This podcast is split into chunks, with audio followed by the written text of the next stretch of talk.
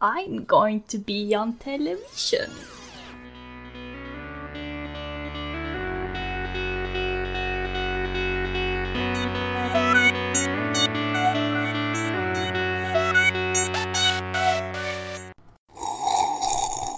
Känsliga lyssnare varnas.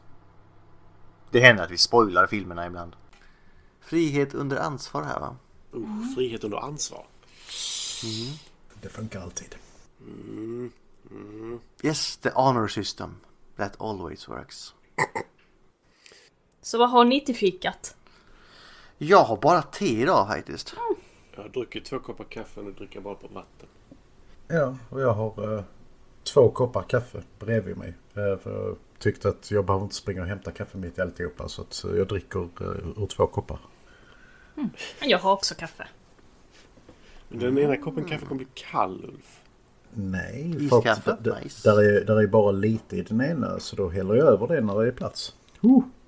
Det hade varit bättre att ta en termos med kaffe. Så, du menar jag ska ta en termos från köket till datorn? Nej. Palla. Nu är det som det är. Det Palla jävla. Åh, dessa kids idag. Mys- Va? Ja, palla sa han. Kids of today. Ja. Va, va, hur är det med? Jo, Men det är väl helt okej. jag har överlevt. Julfet och ful. Ja, det också. samma The här. world order is complete. Yes. Life day was a good day. Kan du kasta ut uh, Ulf ur podden lite snabbt då så kan du ta in honom sen igen. Fem minuter i hörnet. Ja, vi kan ju göra en kanal som heter Ulfs hörn. Ja, faktiskt. Värst är att den får väl flest lyssningar då.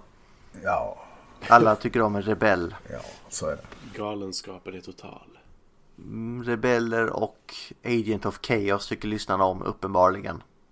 Ja, alltså jag ska ta ett snack med Kevin. Det där var inte okej. Linda är så populär. Jag tyckte så det var jätteroligt. Ja. Särskilt när han förklarar vad våran podcast-team är för någonting. Men det var inte Kevin tror jag. Nej just det, det var... Vad fan var det då? Mm. Det var väl Fredrik. Ja. Vad sa han? Tre, vad var det han sa? Tre det. nördar och en brud. Något sånt.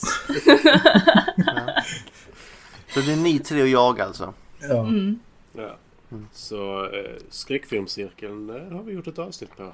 Om ni inte lyssnat på det. Då var jag och Ulf på och besökte och sen så var de och besökte oss för Carnosaur 2. Och sen har jag ett svagt ögonblick sagt att jag ska vara med på Carnosaur 3. Åh. Och jag har uh, tvätt, tvättat mina händer, tvått mina fötter. Eller vad fan säger man? T- Tvått mina händer från det. Du har tvättat dina händer. Det är bra i coronatid Ulf. Ja, Ja. Fortsätt så. Jag tror detta var ett sådär väldigt långt cold open. Ska vi se vilken film vi har sett? Vi kanske ska säga så här hej och välkomna till Film till fikat. Hej och välkomna. Eh, För det är som vanligt jag, Gustav. och jag Ulf. Jag, Matti. Och jag, Linda. The Chaos Springer. Kanske ska säga att vi har sett A Requiem for a Dream också från 2000. Mm. En film som jag eh, hade sett innan. Mm.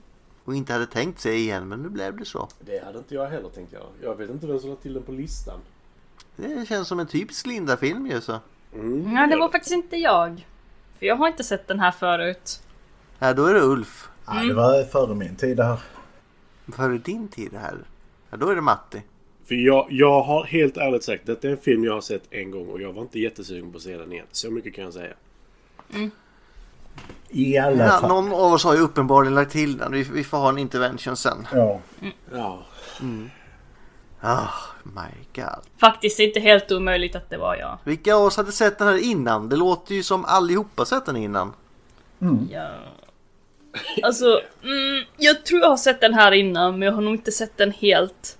Så När det man- är svårt att När säga. man eh, ser vissa bitar så vet man om man har sett den här innan eller inte kan jag säga. Vi hade förskjutit många bitar.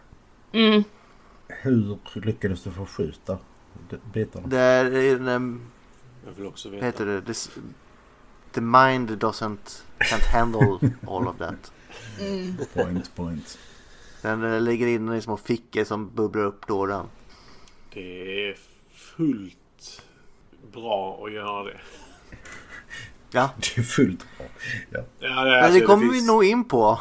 Ja, Jaha. Karin satt och spelade eh, Zelda bredvid mig medan jag tittade på filmen. Så hon hade inte sett den innan. Så här, bara, du kommer inte må bra efter att ha sett den här filmen. Så hon bara, nej. Sen så bara såg man hur hon satt och gapade under vissa scener. How bad can it be liksom? Ja. So bad. Mm, So det bad. det. Men på ett bra sätt. Men som sagt ändå så eh, jag går händelsen förväg och säger så fruktansvärt på ett så välgjort sätt. Mm, precis. Men eh, nu går vi händelserna i förväg för vem är det som har regisserat detta får vi ändå säga mästerverk? Det är Darren Aronofsky. Eh, och han eh, har ju en viss sorts saker att göra känns det som. Film. Ja. Ja men, eh, jag, som vanligt, jag går inte in på hans producentgrejer och vad han har skrivit och sånt. Utan jag kör bara regissörsbitarna. och han har gjort en kortfilm som heter Fortune Cookie. Det var det första han gjorde 1991. Och jag är så jävla sugen på kakan nu. Men om vi går in på hans eh, filmer istället. Vi hoppar över hans eh, Soldier Boys tv-spel och hans kortfilmer. Som jag, jag Supermarket Sweep har jag sett faktiskt från 1991. Men, eh, 1998 gjorde han filmen Pi. Som handlar om en eh, matemat matematiker heter det. Inte Det matematiker. är inte den här sagan om Pi eller vad den hette med den här tigen. Nej, det är inte den. Och eh, ja, den handlar väl om l- folk som inte mår så bra. Alltid. Sen eh, gjorde han 2000 Requiem for a Dream. Som handlar om en film... Eller handlar om folk som inte alltid mår så bra. Sen gjorde han en film som heter The Fountain. Som handlar om folk som inte alltid mår så bra. Och är väldigt förvirrande. Oh. Jag och Ulf pratade lite om den innan. Ulf hatar den. Jag tycker den är intressant. Mm. Det är totalt felsteg i hans karriär enligt mig. Men, men. Har faktiskt inte sett den. Ja, men jag tycker den är intressant. För alltså den, är, den är så rörig och håller på i olika tidsåldrar. Man fattar inte om det är samma person eller om det bara är samma eh, vad heter det? släkt eller vad man ska säga. Det är liksom, det är bara förvirrande. När jag såg den, jag kommer inte ihåg nu jättenoga om det sades i filmen om jag ska vara ärlig men Man får se conquistadorer och eh, Livets träd. och Hugh Jackman. Eh, Hugh, Jack, Hugh Jackman är livets träd.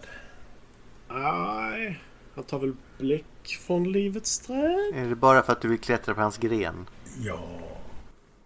Alltså inte för att vara sån men vad kan Hugh Jackman inte göra? Ja du. Ja du. Tystnaden sa rätt mycket där. Nej, jag kommer inte på något sådär. Eh, Efter The Fountain så släppte han en film, eller regisserade en film som heter The Wrestler. Eh, som, jag kommer inte ihåg om den vann inte va? Den var bara nominerad till bästa Oscar. Den, jag har nominerat till bästa Oscar. Men... eh, Bästa Oscar. Bästa ja, film. bästa, bästa film. Men till det bäst, bästa Oscar. Eh, den var nominerad till två eh, grejer. Eller nej, den var inte nominerad till bästa film faktiskt. Den var nominerad som... Eh, för eh, Best Leading Role och Best Supporting Role. Ja, det var både Marissa Tomei och eh, Mickey Rourke va? Japp. Yes. Men eh, den handlar i alla fall om folk som inte alltid mår så bra. Ja. Eh, sen efter det blev det Black Swan. Och vad handlar den om? Eh, folk som inte alltid har det så bra. Om dansare. De dansar och så mår de inte bra. Jaha. Sen så hoppar vi över Lou Reed Metallica. Ja tack. Eh, och hoppar på Noah. Och är det den filmen när Russell Crowe spelar Noah?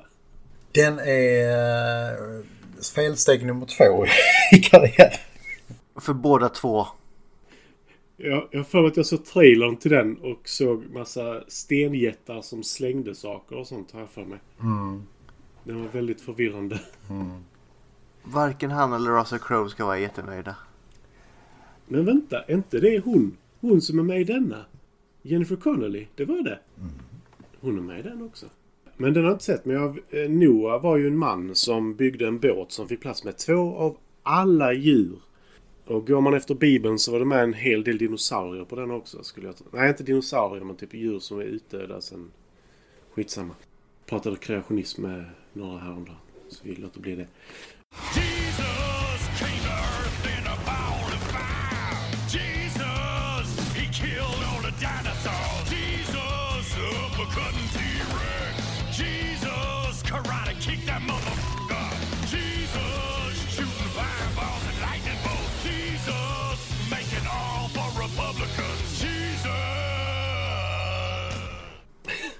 sen tar vi Mother. Som jag inte har sett men Ulf berättade att den handlar om folk som inte alltid mår så bra. Ja. Den eh, är jättedeprimerande. Och bra. Mm. Och det verkar väl vara lite av hans eh, signum. eh, att vara deprimerande. Men bra. ja. Som Noah och... Eh, ja. Men eh, det är lite vad han har gjort. Just nu håller han på med Welcome to Earth. En eh, tv-seriedokumentär. Som är post production. Eh, som jag inte alls vet vad det är om jag ska vara ärlig. Nej, inte jag heller. Det Will haft- Smith travels to the extreme ends of the earth from active volcanoes to deep ocean adventures. Så nej. Ja, Ja, okej. kan väl vara någonting. Alltså, Ja, Men jag vet inte, det, det finns liksom 20 stycken såna här nu. Fast Will Smith är alltid likable. Så att, Jo, men det är han, Black Science Man också. ehm, Han gjorde ju den, vad heter den, Kosmos. sant, sant. Så, eh. Men var han där? Han var inte i Kosmos. Nej. Eller jo, det är han ju faktiskt. Ja, jo. Kosmos gjorde han gamla svenska dåliga barnprogram. Nej, inte den Kosmos. Nähä, okej förlåt. Kosmos, doktor Kosmos På en grön moped kommer här världens bästa veterinär En annan Kosmos. Men det är i runda slängar vad eh, Darren Aronofsky har gjort. Han har inte Yes. gjort jättemycket, men det är ändå liksom... Men vill du se något välgjort som du vill må dåligt till så sätt på en av hans rullar. Jag säga, är du lite klämkäck? Kolla på Requiem for a Dream eller Mother eller något sånt där. Så är du inte så klämkäck längre. Nej, precis. Så är det inte klämkäck sen. Nej, vi tycker inte om klämkäcka människor. De, de tar ens energi. Nej, det gör de inte. Ö. Ja, ja. Ska vi gå vidare på de som är med i filmen? Och jag vet ju att jag eh, Jag har valt att prata om Sarah Goldfarb. Nej Linda, du ska få ta henne. Som Bastard! spelas av Ellen Burstyn. Yes. Ska jag ta henne då? Ja, det gör du. Eh, som karaktär uh, Goldfarb så spelar hon väldigt bra i den här filmen. Fan vad jag älskar den här karaktären. Eh, hur som helst, Ellen Burstyn har tidigare spelat i... hon har spelat i filmer som Goodbye Charlie. Det var väl en av hennes första filmer från 1964. Jag ska säga någonting annat som man kanske känner igen. Pitstop, den känner jag nog lite grann igen från 1969. Alex in Wonderland hon spelat i den från 1970. Alltså det är väldigt gamla filmer här som jag knappt känner igen.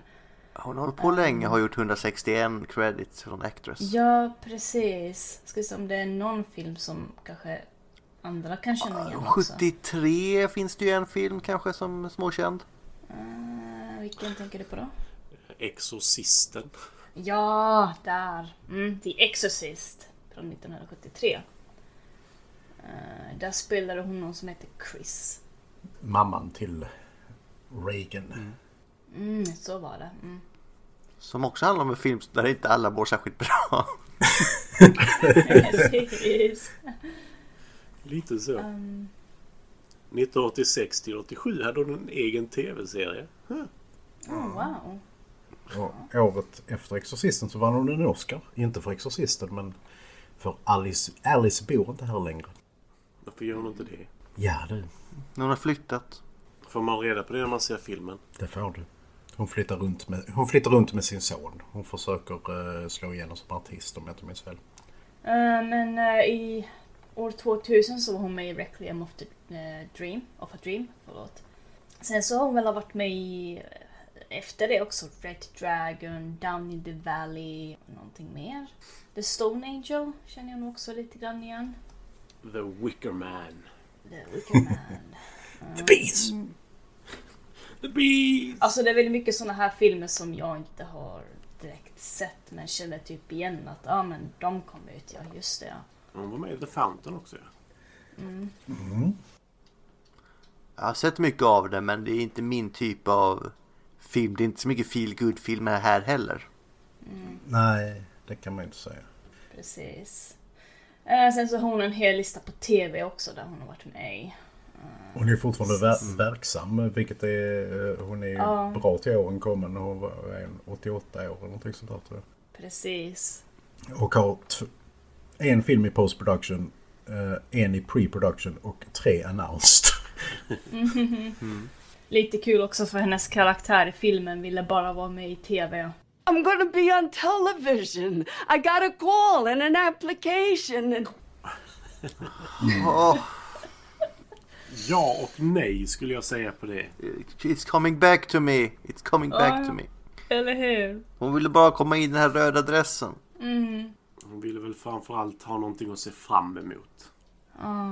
Nej men som sagt hon spelar något otroligt bra. Det är nog därför jag fastnar väldigt mycket för just den här eh, gamla tanten i eh, den här filmen. Eh, men ja, hon är fortfarande aktiv vilket är helt jävla underbart. Eh, good for you, congratulations on the face. Congratulations on the face. On the face. Ja men hon ser bra ut fortfarande. För att vara 88 år eller någonting. Hon ser bättre ut än vad hon gör i verkligheten än vad hon gör i den här filmen. Ja, det är klart hon gör, men ändå, hon ser fortfarande bra ut. Congratulations on the face. Eh, hon blev väl Oscar-nominerad för den här Ulf om jag inte minns fel. Eh, ja, det blev hon. Eh, och hon förlorade tyvärr. Det är en av de här upsetsen eh, de senaste 20 åren på Oscarsgalan. Att hon förlorade till Julia Roberts i Aaron Brockovich. För att det är en sexigare film eller? Ja, nej men liksom... It was a fucking robbery. Eh, för att... Det, Jag kan inte tänka mig att eh, Julia Roberts är bättre eh, faktiskt. Nej, alltså, alltså alla var säkra på att Ellen, eh, Ellen Burstyn skulle, skulle, skulle vinna. Så det är lite sådana såna grejer bara. Ah, så det är så här, åh men fan vad konstigt om vi väljer någon annan, det måste vi göra. Ja, Det är lite sant. Valde vi fel kuvert som de gjorde liksom eh, här, här om året. Jag har faktiskt inte sett Ellen Brockovich så jag har svårt att säga det om jag ska vara helt ärlig. Men hon spelar ju fantastiskt i denna. Varje scen hon är med Så i. eh, rollen hon gör här förtjänar en Oscar, det är väl vad jag kan säga. Ja. Ja, alltså det är roll of a lifetime, verkligen. Eh, vill du gå vidare på någon annan uh, Ulf? Eh, Ja, Vi har redan haft Jennifer Connelly i filmen Nine så vi kan hoppa över henne som spelar Marion Silver. Tack gode gud. Eh, Då eh, ger jag mig på Jared Leto som spelar eh, Harry Goldfarb, son till eh, Sarah. Sarah. Och eh, Jared Leto har ju inte heller gjort jättemycket, jättemånga filmer men det han har gjort har ofta blivit ganska uppmärksammat. Han slog igenom eh, dock i tv-serien Mitt så kallade liv eh, 94-95 eh, tillsammans med eh, What's Her Face som också blev känd. Eh, Claire Danes. Och sen så eh, gjorde han lite mer eller mindre eh, uppmärksammade filmer. Han hade inte jättestora roller i dem. Men eh, man kan nämna exempelvis hur man gör ett amerikanskt lapptäcke. Eh, man kan nämna Fight Club. Tunna röda linjen är ju också rätt känd. Fight. Vi skulle ju inte lämna Fight Club. Nej, förlåt, förlåt. Eh, Den tunna röda linjen, ja. Som är eh, en av få filmer jag somnat till på bio. American Psycho.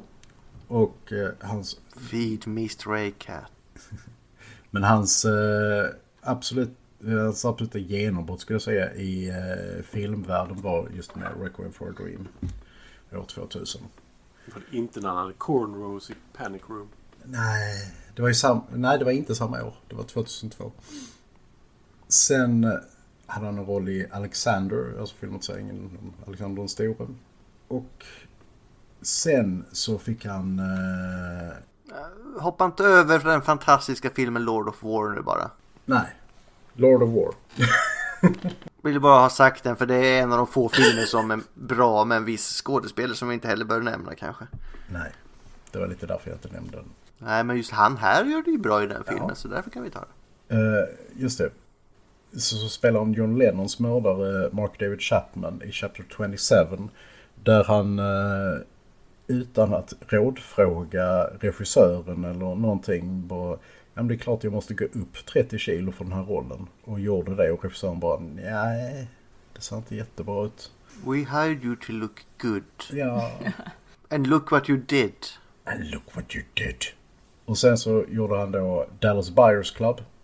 Som han vann sin Oscar för. Där han spelar Rayon.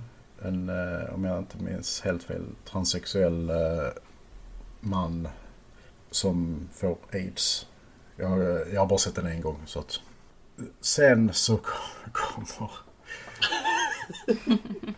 Suicide Squad. Där han kanske gör den mest utskällda varianten av Jokern någonsin. Jag vill dock påpeka att det inte är hans fel. Det är inte hans fel så mycket som Han det hjälpte är. inte till heller. Nej. Men eh, Ja, men det, det är väl mer tolkningen av den Joker som är utskälld mer än hans genomförande vill jag säga.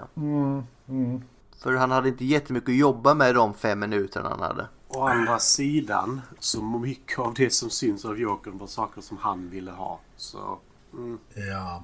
Nej, Jag, jag har inte så stort problem med Jokern i den här filmen som alla andra i och med att det var fem minuter, vad skulle han göra? Inte ha en tatuering där det står damaged på till exempel. Jag har faktiskt inget större bekymmer med sånt. Ja. Eh, I alla fall. Eh, sen så var han med i Blade Runner 2049. Sjukt snygg film som eh, jag blev jättebesviken på. Och sen 2018 så var han med i The Outsider. Sen så har han en hel, en hel radda projekt som håller på att eh, pågå, eh, håller på att färdigställas. Intressant nog så rör han sig både mellan Marvel och DC nu. För att han spelar eh, Dr. Michael Morbius i Morbius-filmen. eh, som kommer nästa år. Och sen så ska han spela Jokern igen. I Zack Snyders Justice League TV miniseries. Och han ska spela Jokern igen i Untitled Joker Harley Quinn Project. Och han ska spela Jokern igen i Untitled Jared Leto Joker Project. Vi får se hur många av dem som blir av. Ja. Jag bara gillar det faktum att han är den mest hatade Jokern och sen så kommer Joaquin Phoenix och gör en... Den filmen tycker jag är helt underbar. Han bara Eh, Men den rör sig inte i samma universum om man säger så. Men Ja men han bara God. knock it, knock it out of the fucking park med den rollen. det är liksom Ja. bara, bara hold my här, beer, det är så här vi gör. varför- fortsätta med den mest hatade Jokern? När det finns någonting... Sen kanske det är så att han inte vill, det vet jag inte. Joaquin Phoenix är som Joaquin Phoenix är. Men shit vilken prestation han gör i filmen. Ja. Sant, men jag tror inte den Jokern passade in i det andra universumet. Nej, jag tycker inte den här Jokern passar in i något universum heller å andra sidan så. Nej, mer än Ja. Joaquin Phoenix. Hade, det hade ju bara stuckit ut mer. Ja, det hade det definitivt gjort. Men sen så kommer ju den nya Batman Så med- det hade ju inte passat in i den andra storyn. Jag tror Nej. vi ska låta den Jokern dö där bara för att det var så bra. Så vi, alltså låt det inte bli dåligt höll jag på att säga. Mm, men den nya Batman-filmen med Pattinson. Eh, den vet jag inte riktigt hur den kommer att vara. Om han kommer passa in i den världen mer. Nej. Det vet ju ingen. Jag Nej. vet bara vilken väg de har gått. De har ju gått Zack Snyder-vägen och då tror jag inte att den Jokern passar. Never go to Snack Shack. Zack Snyder-världen, då är det bara modeller och... Eh, fan, jobbar inte han som DP för? Eh, skitsam. Ja. Och sen så är han även till sist announced i alla fall att eh, spela Ares i Tron 3. Eller han är rumored, ursäkta. Det lät, lär återstå. Ja. I den här eh, filmen så spelar han då sonen till eh, Sarah Goldfarb, Harry. Som är eh, heroinpundare. Och that is basically it. Ungefär. det är liksom... Nej men alltså... Nej, men han, han har ärligt talat inte så mycket till karaktär utan hans, hans enda motivation är liksom bara måste skaffa droger, måste skaffa droger. Eh, om vi säljer droger kan vi få mer droger, måste skaffa fler droger. Men där var en konstig replik för mig i filmen. För när han då besöker sin mamma så säger han att han är ren. Ja, Men hur länge kan han ha varit ren vid det läget? typ en dag. Last morning. Ja, men det känns lite så. Yes. Eh, ska vi kanske bara snabbt lys- lyfta upp hans, vad ska vi kalla det, bästa vän eller businesspartner. Den bästa Som vännen. spelas av Marlon Wayans. Tyrone Sealove. Jävla bra namn. Ja, jag vet inte. Jag kunde inte hålla mig nästan. Sila. Förlåt. I alla fall. Eh, han eh, spelar då the business partner till eh, Harry. Som tillsammans då är ja, brukare om jag ska säga på ett snällt sätt. Och samtidigt lever the American dream att vilja bli rika snabbt genom att köpa och sälja droger. But, som de tar i Scarface, don't get high on your own supply. Det rådet lyder de inte. Alla Inte rim, riktigt, nej. eller råd som är rim är bra. Ja. Så lev ditt liv i ett rim. Yes. Han har väl inte varit med jättemycket jag har sett innan men han har varit med i några sådana här fåniga grejer jag har sett. Mest faktiskt typ Scary Movie, Scary Movie 2. Sen är det ju säg The Lady Killers har jag sett innan. Jag har tyvärr sett The White Chicks innan. Det är en skräckfilm. Shit. Eh, Jag har tyvärr sett G.I. Joe, Rise of Cobra innan. Det är inte Är många värt filmer han har gjort som jag har gillat. Vad sa du? Ja, det är värt att se. Nej. Nej. Alltså Jag som, har sett Little Man. som de eh, alltså, misshandlade den IP'n. G.I. Joe alltså. Ja, alltså, den kunde man låtit vara. Jag visste ju redan från början att det skulle vara dåligt. Varför gick jag och såg den? Jag var sugen på Baroness, det var väl därför. Alla är sugna på Baroness. Ja. Eh, filmen Naked, eh, bygger inte den på en svensk film? Alltså Som är heter det... Naken. Var det den här konstiga svenska filmen komedin när han uh, sups full och måste springa runt naken och börja Ja, om han- sitt liv varje dag? Hans svensex, alltså en av hans tjej, eller blivande frus vän, eller vänner super honom full. Och liksom vill att de ska göra slut så att han kan få henne. Och så upplever han samma dag om och om igen tills han typ gör rätt. Ja, jo men den, det, den var tydligen baserad på, på den svenska ja. Ja, för jag har sett den svenska filmen nämligen. Ja. Ja, också, den var jättekonstig men ändå hade någonting ändå på något sätt. Det var länge sedan. Men alltså, eh, han är ju en av eh, The Wayne Brothers. Eh, som är alltså, ja, typer i Hollywood som bara gör de här extremt dumma filmerna oftast. Ska sägas. Sen så har han liksom sådana här grejer som Requiem for a Dream på sin lista bara. Okej. Vilket är kul. Det är väl lite, lite så Adam Sandler-grej. att mestad- Mestadels dumma saker. Men när han väl får rätt roll så kan han faktiskt skådespela. Men det finns ju vissa komiker som kan det. Alltså när de får en riktigt tung roll eller något sånt där. Ja, Jim Carrey, case in point. Liksom. Eh, Robin Williams tyckte Ja. jag faktiskt. Alltså One Hour Photo med honom. Mm, den Ja, rollen precis. är mysig. Eller Carreys Eternal Sunshine of the Spotless Mind.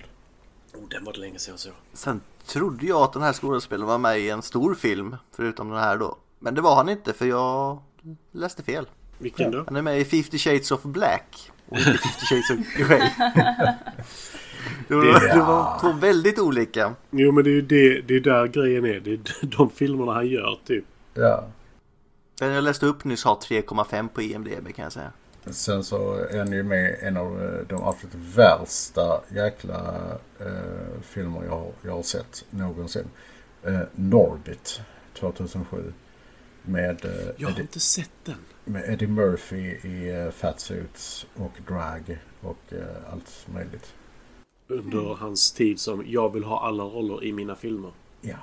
Nice. Nice! Alltså inte för sånt funkar det för... Eh, vad heter han? Som gör Medea? Eh, Oh. Tyler Perry. Tyler Perry, just det.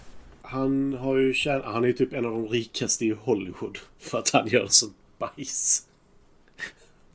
för det kostar typ ingenting att göra hans grejer. Och det är bara skit. Ja, han skrattar hela vägen till banken. Ja, det hade jag också gjort. Ja. Han tjänar så sjukt mycket pengar på att göra de här filmerna som kostar typ så här 50 000 att göra. Och så tjänar han typ så här 40 miljoner på varje film. Helt okej. Ja. Äh, Strunt samma. Ja. Strunt samma. Vi hoppar vidare ifrån skådespelarna här tycker jag går in på filmens handling. Med uppbyggnad, resa och klimax. Mm. Be ready for a shit show. Nej, men ta fram er näsdukarna höll jag på att säga. Och nålarna. ja, precis. Ta fram er sil. Har du lust att dra oss igenom Matti? För jag tyckte du gjorde det väldigt bra på den jag precis har klippt som släpps imorgon. Va? Ska jag ta den här filmen? Ja, det tyckte jag var en bra film för dig att ta. Om Linda skulle ta den hade jag nog antagligen Brutit ihop. brutit ihop. Eh, ja, Så men, du, du lagom chaos här. Lite ja, men jag kan väl ta den lite sådär lite... Lite Ja, vi ska inte ta den för lång så sen kommer vi ju ofta in på saker när vi är inne på favoritkaraktär och favoritscen som inte lyfts annars. Ja, för detta är ju typ... eh, Familjen Goldfarb är ju typ så mycket New York det kan bli. Det är Ma, tror jag sägs 40 gånger i första scenen. Eh, och vi introduceras till både Harry och Sarah Goldfarb. Medan Harry försöker sälja sin mammas TV. Eller försöker ta sin mammas TV. Och detta är ju inte första gången det händer liksom.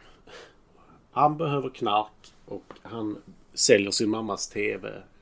Jag vet inte hur ofta det är. Men det framkommer att det är ganska ofta. Han pantsätter väl den.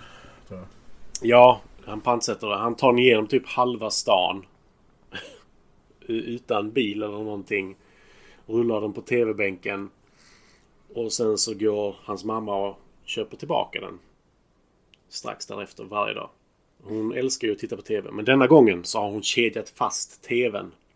Och så står han och skriker på henne. Varför gör du detta svårt för mig? Så hon bara, nej men det är inte för svårt för dig. Det är för att tjuvar inte ska ta den. Så till slut får hon nyckeln till TVn. Eller hon ger honom nyckeln till TVn. Han tar TVn och säljer den då till en eh, man som bor några kilometer bort. Så han kan köpa knack. Knack! han behöver knack. De säger inte att det är heroin någon gång faktiskt. Nej. Det är knack. Det, det är bara knack. Jag kan, inte mitt, jag kan inte mitt knäck så bra men jag tror att det är heroin. Eh, jag, jag är inte jätteinsatt i det heller, men det ser ut som heroin. Man får även se att liksom... Jag vet inte om det är någon form av TV-shop Sarah Goldfarb tittar på, eller vad det är. Det är väl en sån här TV Evangelist grej. Alltså ungefär. Ja, mer eller mindre, fast det, han försöker sälja sin juice. Det var någon blandning mellan det och Price is right eller något, jag vet inte. ja. Ja, men det är så här sjukt obehagligt. Det är, hon tittar på det här TV-programmet där Tappy försöker sälja sina tre punkter och sin juice. I don't know. Eh, för att man ska gå ner i vikt i alla fall. Och sen är det här hon får sitt samtal också. Eh, ja. Eh, hennes telefon ringer och hon säger nej jag vill inte ha någonting. Så nej, nej, du, du, jag försöker inte sälja någonting. Du har redan vunnit. Och hon har då vunnit att vara med i TV. Så hon eh, bestämmer sig då för att jag ska ha min röda klänning som jag hade på mig när eh, Harry gick ut high school. och Harry, vad kan han vara här, 25? Så det är ändå några år sedan liksom. Men hon ska ju komma i den klänningen i alla fall och det visar sig att hon kommer inte i den klänningen. Så då ska hon börja gå på Du diet. var inte så dömande. Kommer du in i klänningen från när du tog studenten, Matti? Oh nej. Oh, nej. Nej, just det. Eller, jag gick upp jävligt mycket sista året där. Och jag började dricka alkohol. Okej, då kanske du kommer in. Nej, kanske. Bra planerat där. dock. Jag har inte kvar den, det är det som är problemet. Hur som helst, vi ska inte prata om min viktuppgång. Hon börjar gå på en diet i alla fall. Som involverar inga såser och typ bara kaffe, grapefruit och ägg. No sugar. No sugar. Och det är liksom, du får se att det, det är typ, hennes liv är ju mer eller mindre förstört på grund av den här dieten. Det får du se liksom första ögonblicket. Hon tycker inte om detta. Alltså, Eh, vem fan hade tyckt om kaffe och grapefrukt tillsammans? inte tillsammans, nej. Du fick ju i alla fall kaffe. Men ägg är sjukt mättande så jag vet Ja. inte. Kul att leva på, nej. Men ja. Nej, nej, men lite så. Hur som har. Harry har fått lite knack. Eh, så han, eh, han och hans bästa vän eh, Marlon Wayans, also known as Tyrone C. Love, eh, står och scratchar lite på... Jag vet inte, det är så jävla 90-tal. Men de, de står med sina två eh, plattvändare, höll jag på att säga, och scratchar lite och är höga. Eh, och tycker de är ascoola. Det roliga är att eh, Jared Leto är musiker på riktigt men eh, kanske inte DJ på samma sätt. Eh, strunt samma. De knarkar. Eh, sen kommer de fram till att men hade det inte varit bättre om vi sålde knark? Då hade vi fått mer pengar till att köpa knark. Eller vänta, vi hade inte ens behövt köpa knark. Vi hade bara kunnat ta vårt eget knark. Eh, så de börjar sälja knark. Well, here's your problem. Och det går bra för dem. Eh, sen så tar vi och introduceras Jennifer Connelly. Eh, en rikemans dotter som eh, inte vill ha så mycket kontakt med sin familj. Och jag förstår inte relationen till den här mannen. Är det psykologen eller är det... Ja, det är det ju. Eh, psykolog som gärna vill ligga med det. Ja, för där, där är mycket sånt här konstigt med den relationen. För jag förstår inte varför. Strunt samma. Eh, vi får introduceras till henne i alla fall. Eh, man får reda på att hon är, hennes föräldrar är jätterika men hon vill inte riktigt veta av dem utan hon vill stå på egna ben. Eh, hon tycker också om knack.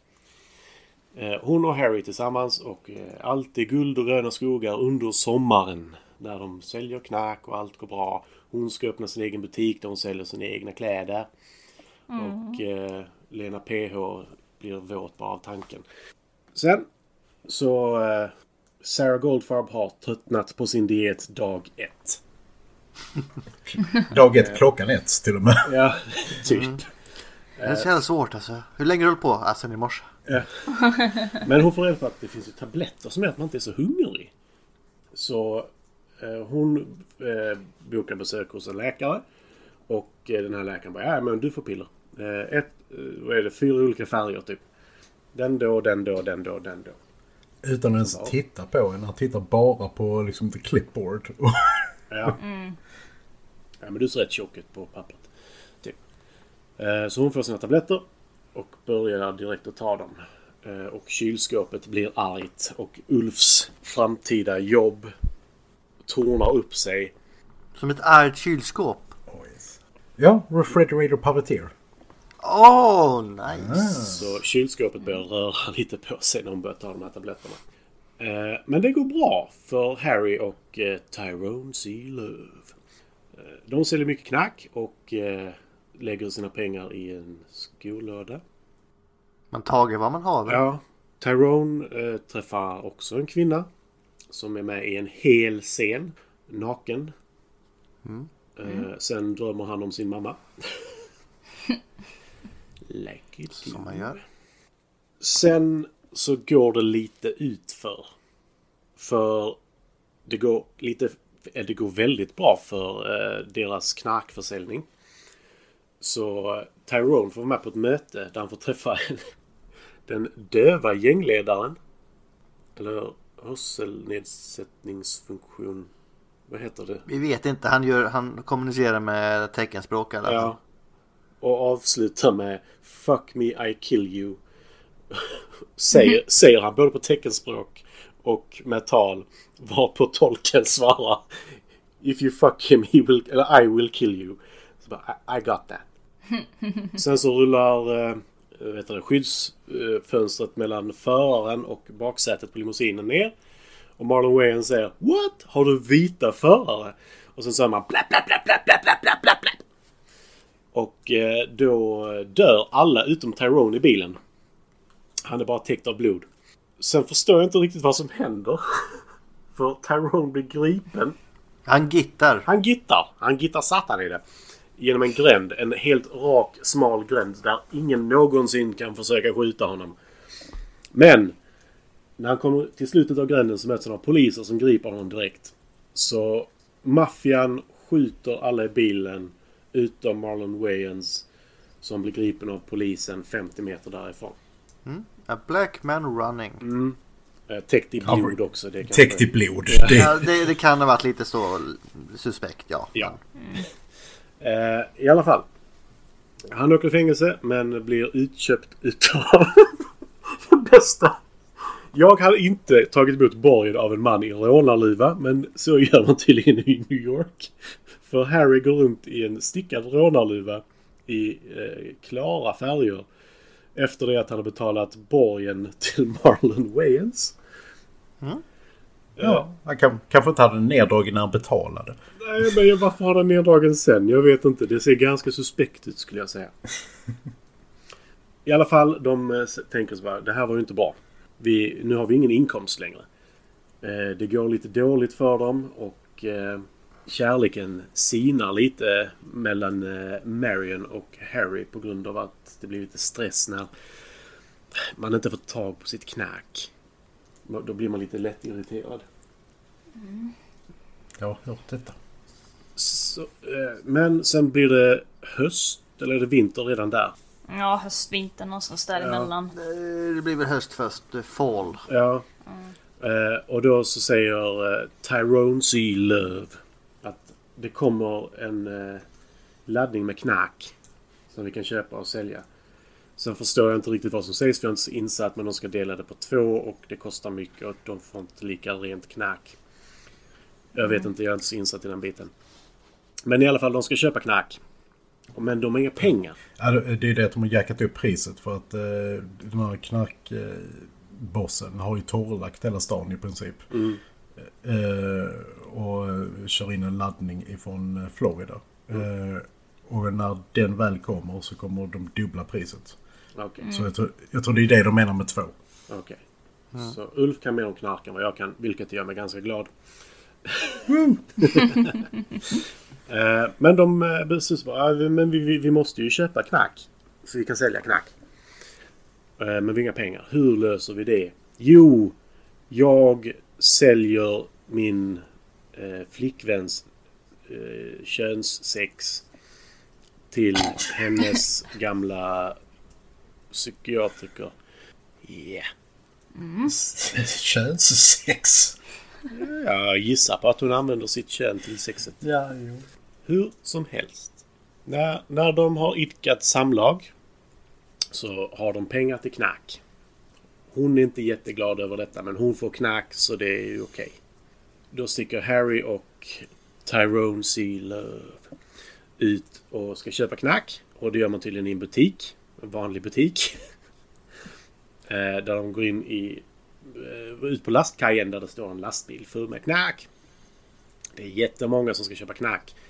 Eh, så de hinner sälja typ väldigt lite per styck skulle jag säga. Men de säljer typ, det kan vara 20 påsar, så knappt halv kilo knack. Eh, och sen så är det någon knackare som skjuter pistol. Och någon skjuter maskin, maskinpistol och ingen dör medan han skjuter på dem, vilket är väldigt konstigt. Såvida han inte skjuter blanks bara för att skrämma. Sen så kör lastbilen iväg utan att Harry har fått tag på knack. Eh, Jennifer Connolly skäller ut Jared Leto för att han är helt misslyckad för att han inte lyckats köpa knack. Men då ringer Harry Goldfarb till Tyrone och frågar vad heter den mannen som eh, säljer knack för sex? Könssex. Eh, och då får han telefonen till henne som han skriver ner på bilden där de står framför butiken som de hade köpt eller skulle köpa. Jag vet inte riktigt tror de hyrde den för det, det är så här commercial space, ser man i bakgrunden. Ja, men jag vet inte liksom var hon där och jobbade eller hur funkade det? Och i så fall har hon inte egna pengar? Nej, hon vill inte ha någonting med sin familj att göra. Jo, men hon har ju fått pengar av Harry till den här butiken ju. Ja. Så jag vet inte. Knack skapar problem i alla fall. Men eh, sen så kommer de då fram till att vi åker till Florida från New York och köper knark där. För det finns ingen som säljer knark mellan New York och Florida. Rationellt tänkande och knark brukar inte gå ihop. Speciellt inte som de tror att du bara, ja men vadå, vi kan ju köra dit på över dagen. De åker iväg. Harry har lite ont i armen. Den ser lite småsnuskig ut. Ser ut som att han är... Han har lite blodförgiftning skulle jag tro. Eller något sånt. Lite? Eh, Men här, än så länge är det lite. Under tiden har Sarah Goldfarb eh, gått lite överstyr med sin diet. Hon har gått ner jättemycket. Hon håller en av de finaste monologerna någonsin. För Harry, det har jag glömt. Eh, men det är en av de bästa monologerna jag har sett. När hon förklarar varför hon vill gå ner i vikt och vara med på TV. Och där finns en liten kul fakta sen gällande den scenen. Eh, Men eh, hon förklarar liksom att jag har ingen att ta hand om. Jag har ingenting att leva för. Så låt mig ha detta liksom. Mer eller mindre. Eh, Sen så sätter sig han i taxin. Börjar fulgråta lite. Och sen så tar han knack. Och sen så mår han bättre. Men på väg till Florida så tar de lite knack. Då får Tyrone C. Love se Harrys arm. Och bara du det där ser inte bra ut. Aj aj. Eh, du kan ju inte sätta nålen i det där för det är det som är problemet. Eh, men han sätter nålen i där och han får ont igen. Eh, de tar sig lite närmre Florida. Men innan de kommer fram till Florida så är, gör det så ont i armen att han måste uppsöka läkare. De uppsöker läkare och eh, Tyrone C. Love blir gripen. Eh, Medan Harry också blir gripen. Men hans arm ser riktigt jävlig ut nu. Eh, Ellen Burstyn eh, har gått bananas och hallucinerar satan i det. Eh, hon ser först sig själv i TVn. Sen hoppar hennes bild eller person ur TVn. Och rör sig runt i hennes lägenhet. Och även eh, Tappy Tibbons följer efter och börjar skratta åt henne och gör conga lines och annat. Sarah Goldfarb is crazy. Hon har gått till läkaren och fått Valium mot detta. Men... Eh, Funkar Valium mot knarkfeldosering? nej. Nej. Okej, jag bara frågar. Eh, Valium är typ Ipren. Har jag för mig. Konstigt, det borde funka. Det är ju den intelligenta värktabletten ja. Jag är Ipren, den intelligenta värktabletten Mot värk och feber är en effektiven Smärtstillande, febernedsättande Jag är Ipren, är helt enkelt intelligent Nej. Eller är det värre? Eh, Valium är starkt lugnande. Ja, Okej. Ja, inte. ja, som sagt, jag kan inte så mycket om knark. Jag är rätt nöjd med Nej, det. jag, jag kan mer om knark då. Ulf, knarkkorrespondent för Film till fika. Har man jobbat som dörrvakt så kan man. Knark till fikat. Eh, hur som helst.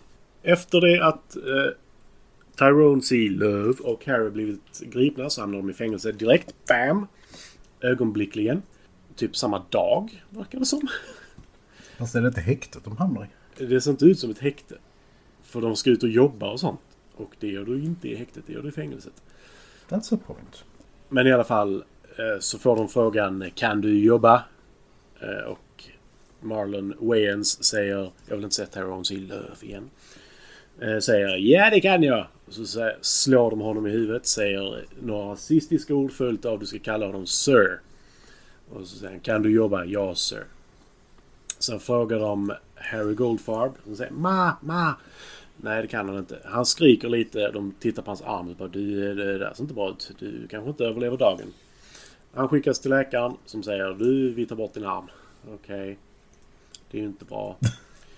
Under tiden har Marion Silver så här, jag har inget knark. Jag vill ha knark. Så hon ringer det här numret till mannen som eh, säljer knark för ordet de använder är pussy. Och Ordet vi använder är könssex. könssex. Men hon tar sig dit för hon vill ha knark. Och hon använder sig inte utav könssex. Hon använder sig utav munsex. Eh, men hon får knark i alla fall. Och så säger han... Alltså dina ordval, men okej, sure. sen tar hon sig Nej men det är jättehemskt, fortsätt. Ja, ja, alltså jag, jag vill inte... Alltså, den här filmen får mig att må skitdåligt så därför försöker jag lättja det lite. Eh, sen så säger... Han flyr genom att skämta förstår ni. Ja.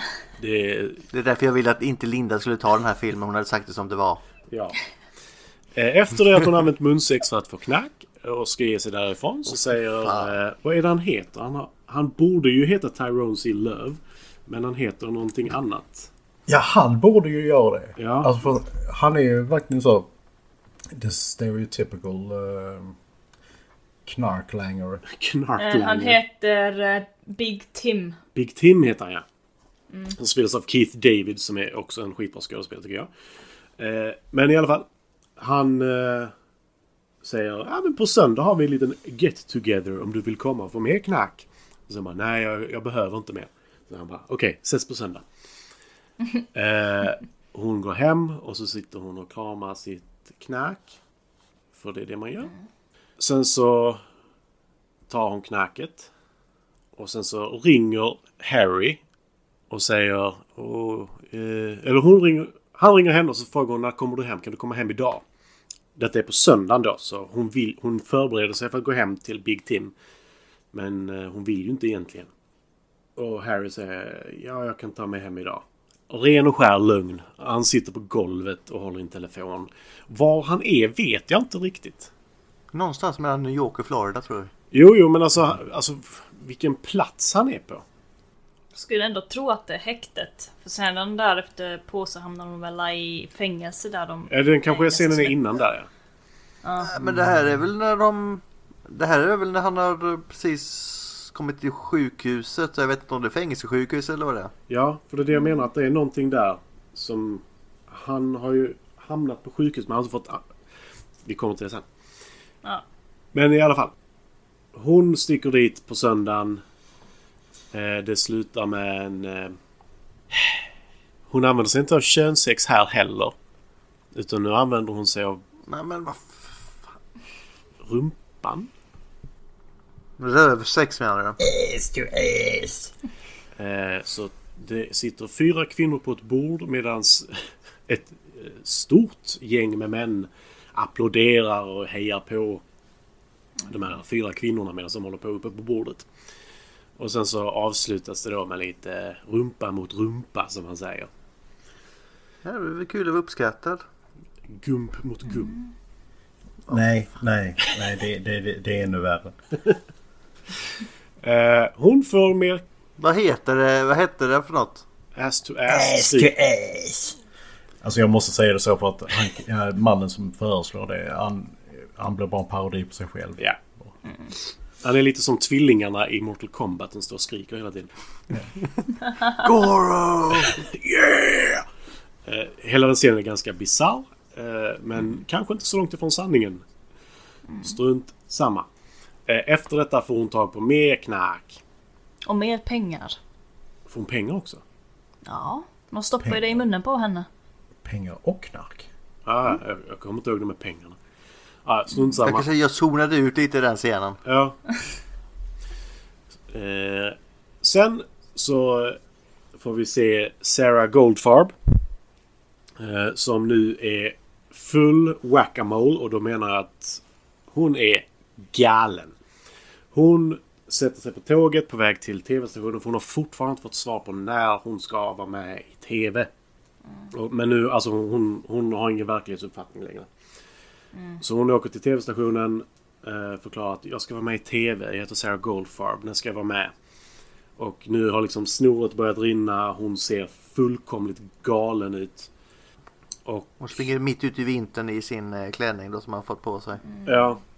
Eh, sen blir hon eh, hämtad utav... Eh, egentligen är det väl Fire Department men det skulle vara ambulanssjukvårdare. Som tar henne till eh, närmsta sjukhus där det visar sig att hon är ju inte i behov av akutsjukvård utan hon åker in på psyk. Och eh, där försöker de tvångsmata henne och sånt här. Eller de gör det. Men så säger de ingenting vi har gjort hjälper. Eh, vi har provat det här med ECT innan. Kan du skriva på här så gör vi det. Eh, hon är ju fastspänd i en säng vid detta laget så hon har väl inte jättemycket att säga till om och verklighetsuppfattningen är väl smått skev. När man hör alternativa metoder brukar det inte vara bra. Alltså det där kan inte vara lagligt på något sätt. Bara, ja, alltså, du, du är ju totalt whack men om, om du skriver under det här så... Ja. Men vi ska inte gå in på vad jag tycker om eh, hela läkemedelsindustrin i USA. Sen så hon skriver ju på här. Hon vet ju inte vad hon skriver på. eh, Med största sannolikhet. Eh, Men det ECT står för Electroshock Therapy. Eh, Och de drar iväg henne, spänner fast henne ännu mer och börjar chocka hennes huvud. Och under tiden får vi även se hur någon gör på ett sätt som man inte gör när man amputerar en arm. Eh, För de amputerar nu Harrys arm på sjukhuset för att det är ju ganska... Jag vet inte om det är nekros eller blodförgiftning som har gått väldigt långt i alla fall. Nej, det är sepsis. Ja. Eh, Så där skär de av hans arm. Det bara sprutar blod. Eh, Den scenen är lite bisarr. Sen efter det så får vi se Tyrone som är på sjukhuset, eller på fängelset och eh, bör väl få, vad heter det?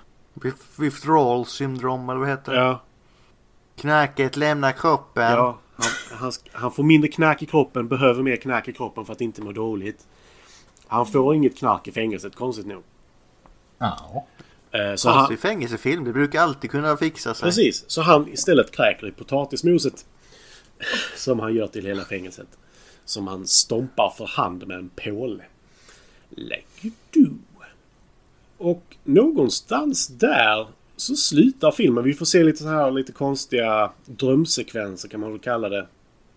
När Harry springer mot eh, Marion eh, på kajen och Marion försvinner. Han backar, faller ner, vaknar i sängen med en arm.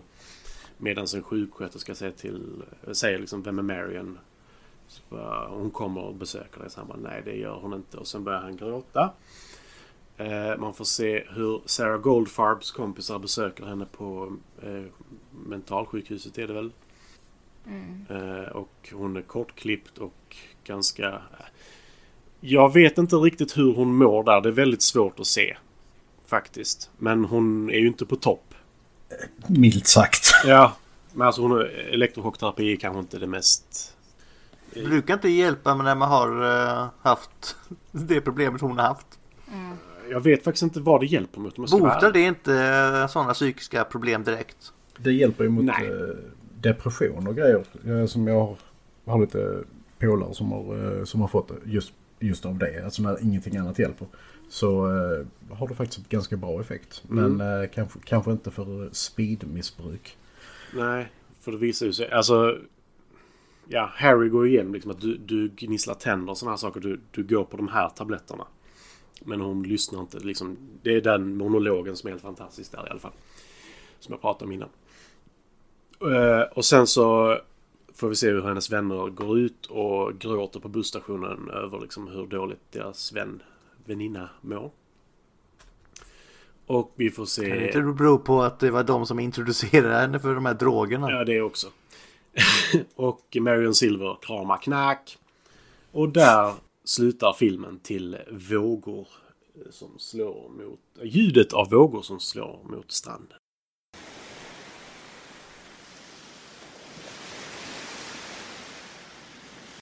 Och alla levde lyckliga i alla sina dagar. Inte Ja. temat för filmen. I sina dagdrömmar. Jag tror inte ens där att de mår bra faktiskt, om jag ska vara ärlig. Nej. Så det var i relativt korta drag filmen. Bra jobbat. Ja, vi Ska går vi komma vidare till nästa punkt. Vi behöver... Ja, budskap. Får jag ta det det? kommer nu. Hade filmen något tydligt eller subtilt budskap? Ja, det vill jag säga att det hade. Knack, Knack är bajs. knack är bajs. Ja, Eh, Ja, beroenden överlag. Så knark får väl dig att känna dig på topp i början. Och sen går det stadigt nedåt, konstigt nog. Va? Ja. Och du märker inte riktigt när det börjar vända. Mm, vad jag har fått höra om just heroin dessutom är liksom att du blir mer och mer motståndskraftig. Vilket innebär att du behöver mer och mer heroin för att nå samma välmående. Ja, ja. Nej, men det gäller, ju- gäller ju alla droger. Alltså det som... eh, Det är det som händer Sarah också. Alltså eh, för att hon... eh, Hon ökar ju sin egen dos på eget bevåg. Och av blandar dessutom. Ja, och blandar och har sig. Just eftersom hon inte får någon effekt längre känner hon. Men det är, det är lite det som jag tycker gör den här filmen så pass lyckad som den är också. Eh, Just det här budskapet om olika typer av missbruk och vad är ett socialt accepterat missbruk, exempelvis dieting pills, och vad är ett icke accepterat missbruk, heroin. Och eh, hur det egentligen, när det går så här långt, egentligen bara två sidor av samma mynt. Ja men som sagt, det, vi fick ju lära oss att Ulf vet vad han vill spendera sitt liv med i framtiden. Och det är inte knark utan det är att flytta kylskåp. Ja, Så det är bra. Bra val faktiskt ändå, det får jag ge dig.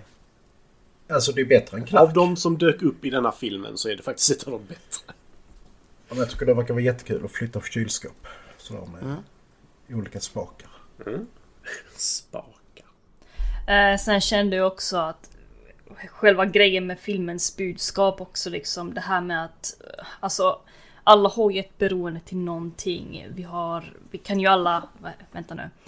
Beroende till någonting kan ju att, göra att man liksom faller ut i verkligheten och sånt där. Man faller in i sina dagdrömmar. Eh, jag tror ändå att alla kan relatera till att man gör ett onyttigt beteende för att eh, nå någonting, ett mål, en dröm eller en fix.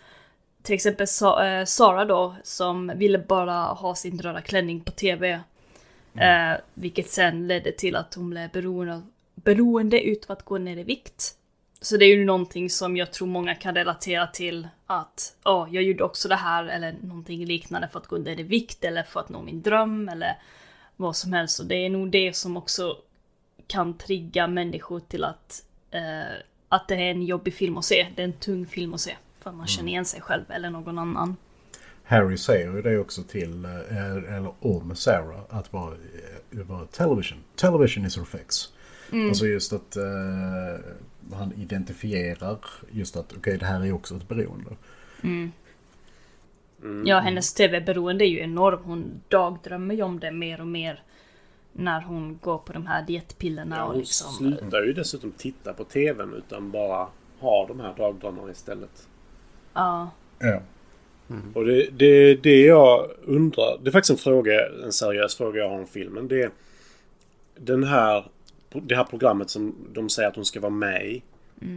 Är det någonting, alltså det framkommer ju inte om det är en scam eller vad det är. Alltså som, som jag har förstått det så, så är det liksom att det här produktionsbolaget de eh, har sig en databas med tävlande. Som, eh, som de då bara, ja, ja men den här personen kan passa för det här programmet och så vidare.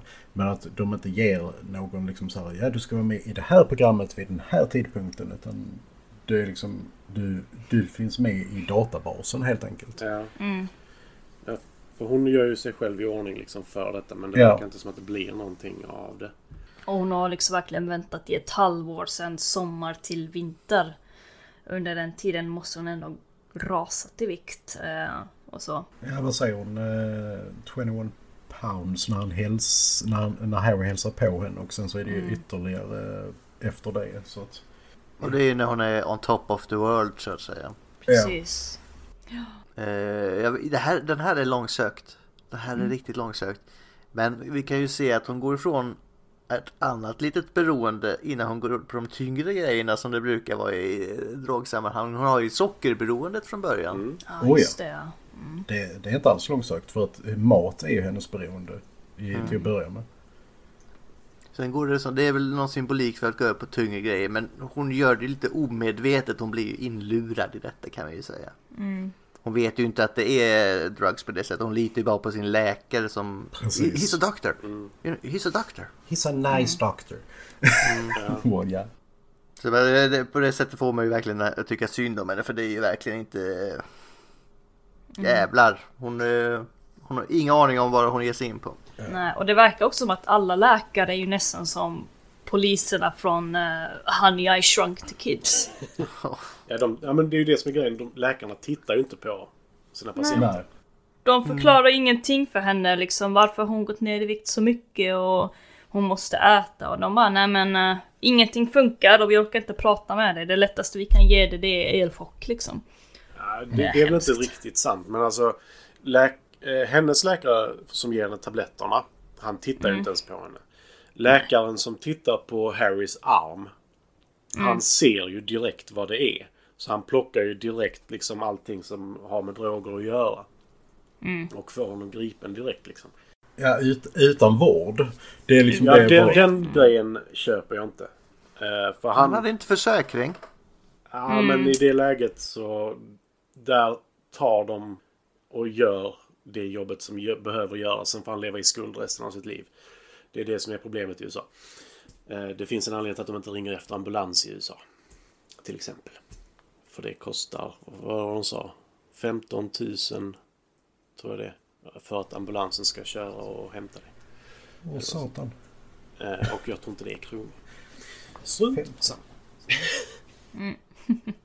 Ja. Nej, det är ingen vacker värld. Nej, Nej. det är New York. Alltså, det är Och så regnar det. ja. Ja, men, ja, men det är ju Requiem for a Dream. Alltså det är ju Requiem för, för drömmar. Eh, American Dream.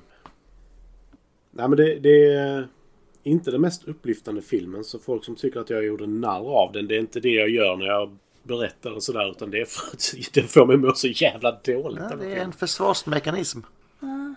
För det, jag beskrev den som misär för Karin innan vi satte oss och tittade på den. För hon har inte sett den innan. Och sen så när vi hade sett halva filmen så sa jag liksom, och misären har inte ens börjat än. Hon bara, va?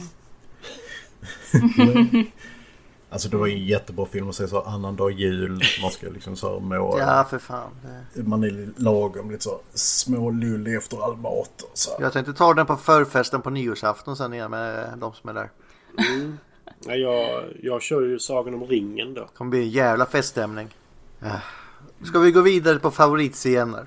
Ja! Det kan bli mörkt men vi provar. Linda, låt, låt dig introducera oss. Låt dig Eh, introducera ska jag välja favoritscen efter vad som fick mig att känna mest eller ska jag ta favoritscen efter... Den scen du kände mest för, den du tycker är bäst. Det är ju svårt. Eh, för jag tänkte nästan att jag har en favoritscen vad som gjorde mig mest obekväm och en favoritscen som fick mig att känna hopp för en karaktär. Okej, nej men eh, ta en och så vänta med den andra om vi andra inte har lyft den så kan du ta den sen. Okej. Den favoriten som fick mig att känna mig mest obekväm. Alltså det är egentligen slutet när allting går åt helvete för karaktärerna. Det är ju svårt att välja en scen men ja.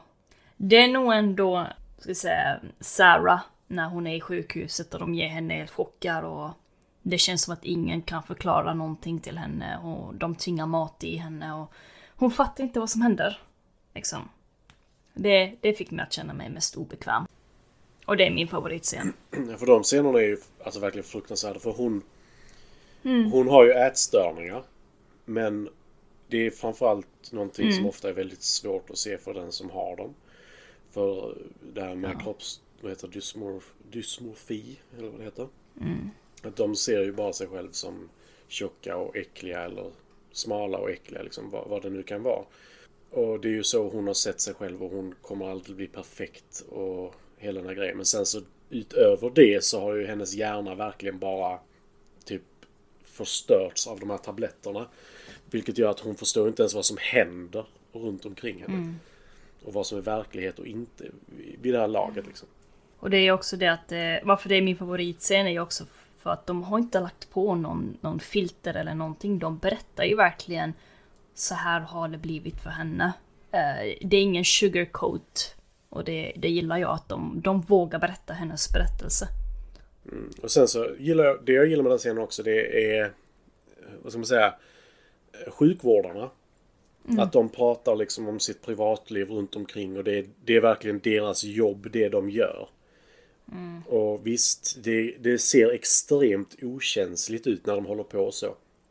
Men samtidigt, det, de måste ju göra så ofta för att det vi gör är liksom inte någonting vi själva mår bra av heller. Även om de hjälper henne så är det liksom inte så här min dröm är att hålla ihop någons mun så att vi kan stoppa ner en sond i magen på henne. Så vi kan ge henne mat liksom. Det är inte det det handlar om. Precis. Det är ju en annan typ av social distansering. Mm, Ja. Precis. Så jag, jag tycker faktiskt att de scenerna var riktigt bra gjorda just på grund av det här lite... Alltså att de klipper av sig från det de gör för att det är kanske inte är så kul. Ja. Och- Nej, riktigt bra scen.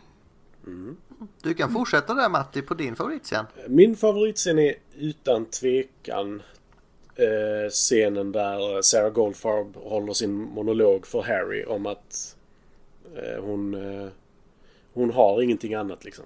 Hon har ingen att ta hand om, hon har ingenting att se fram emot utan det är liksom att vara med i TV nu, gå ner i vikt, få på sig den röda klänningen. Det är det hon ser fram emot. I like the way I feel. I like thinking about the red dress and the television and you and your father. Now, when I get the sun, I smile. Eh, Hela den monologen, och eller hela den scenen när han förklarar liksom att det är droger du tar. Och han säger att han är ren liksom. Och hela den scenen är verkligen skitbra tycker jag.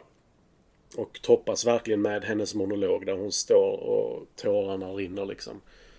Och slutar med att han går ut genom dörren. Det, den scenen är bara perfekt typ. Jag, jag håller med om den. Det hade jag också valt den scenen. Varje gång jag, varje gång jag ser den scenen, alltså, eh, jag vet det kommer sen i fun facts med gråtandet och det här men alltså jag kan inte hålla mig för tårar. Alltså varje gång jag ser den scenen. Den är så fruktansvärd och så känslomässig så att det är liksom den slår hårdare än allt det här äh, drogmissbruket för mig. Ja, men den, den känns så ärlig på något Ja. sätt. Och det är det som gör så ont. För man, man kan ändå sätta sig in i den situationen på något sätt att känna att visst, du har dina vänner och sånt här liksom, men vad har du att se fram emot just nu? För, alltså särskilt, i, Precis. inte för att vara sån, men vi är inte där, men i år har ju inte riktigt varit ett år där vi har sett fram emot semestern på samma sätt. Vi har inte sett fram emot att åka någonstans. Vi har inte sett fram emot... För det är liksom...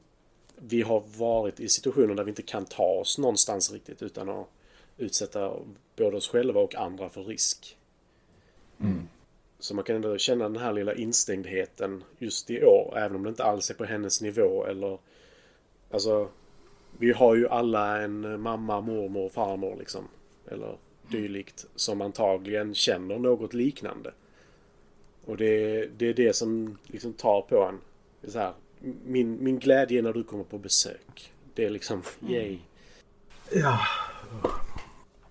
Det är highlighten för dem. Ja. Liksom. Och det är därför den scenen känns så ärlig på något sätt.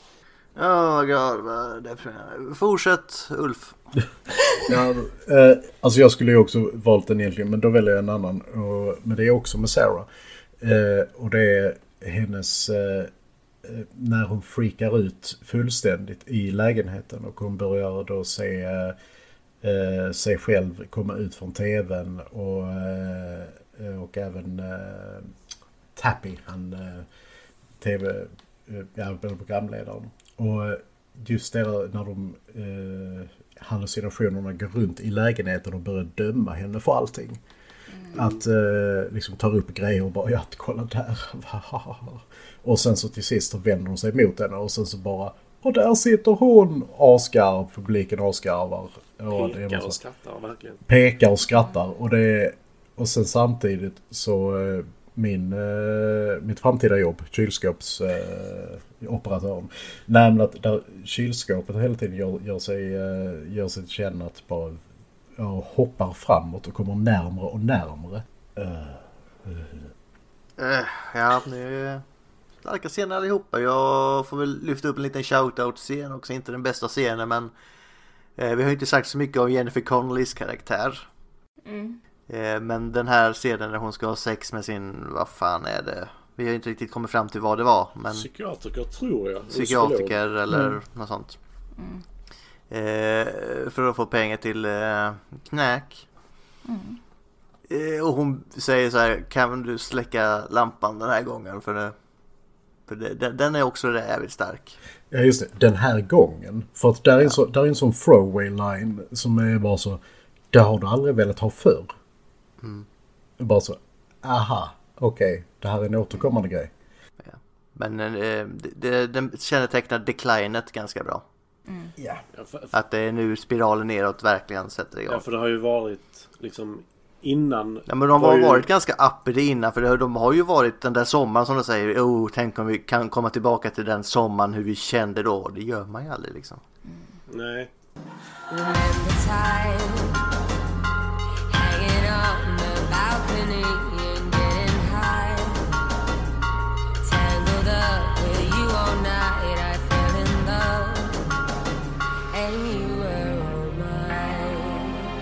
Och det är som sagt, det är ju det som gör den här filmen så jävla tung. För det är liksom, de kämpar för att ta sig tillbaka till den tiden där de mådde bra. Men den tiden när de mådde bra involverar ju bara att de kämpade inte för att få tag på knark egentligen.